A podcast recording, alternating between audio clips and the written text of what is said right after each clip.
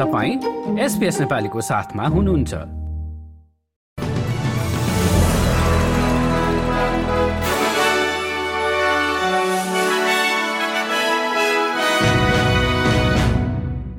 नमस्कार। आज बुधबार दस जनवरी दुई हजार चौबिस। अब पालो भएको छ एसपीएस नेपालीमा आजका प्रमुख अस्ट्रेलियन समाचारहरू सुन्ने। प्रसंग शुरू गरौं मुद्रास्फीतिबाट।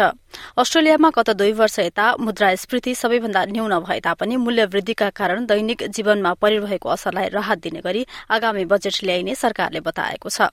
हालै सार्वजनिक भएको रिपोर्टले गत अक्टोबरमा चार दशमलव नौ प्रतिशत रहेको मुद्रास्फीति नोभेम्बरमा चार दशमलव तीन प्रतिशतमा झरेको उल्लेख गरेको हो। यता प्रधानमन्त्री एन्थोनी आल्बनेजीले सुपरमार्केटमा किराना सामानको मूल्य कम गर्नका लागि सबै विकल्पहरूका बारेमा छलफल गरिने बताएका छन्। सरकारले लेबर पार्टीका पूर्व मन्त्री क्रेग इमर्सनलाई सुपरमार्केटहरूमा भएको मूल्य वृद्धिबारे समीक्षाको नेतृत्वको जिम्मेवारी दिए लगतै प्रधानमन्त्री आल्बनेजीको यस्तो भनाइ आएको हो।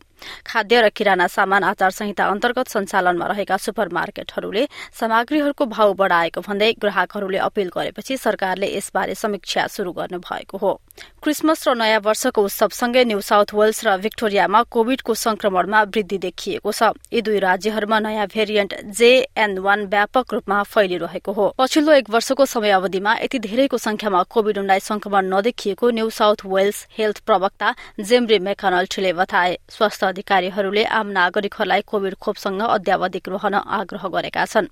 अब भिक्टोरियातर्फ लागौं। भिक्टोरियाको मार्चिसन सेपर्टन र इचुका क्षेत्रमा बाढ़ीको चेतावनी जारी गरिएको छ। सेमोर ए र उत्तरतर्फका रोचेस्टरमा बाढ़ी घटे तापनि उत्तरी दिशामा रहेको रिजनल शहर सेपर्टनमा आउँदो चौविस घण्टाभित्र पानीको सतह बढ़ने अपेक्षा रहेको छ। हालसम्म अठार सयवटा सहेको प्रस्ताव आएको बताइएको छ। अब खेलकुदमा टेनिस। अस्ट्रेलियाका जोर्डन थम्सन एलेक्स बोल्ट र क्रिस्टोफर ओ खोनेलले एडिलेड इन्टरनेशनलमा आफ्नो पहिलो चरणमा जितको हासिल गरेका छन्। प्रतियोगिता अन्तर्गत सर्बियाका दुसान लायोभिसले अस्ट्रेलियाका थनासी कोकिनाकिसलाई हराएका थिए।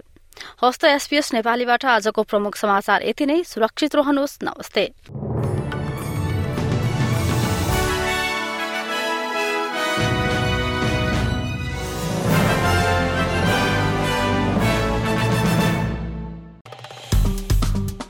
लाइक र कमेन्ट गर्नुहोस्।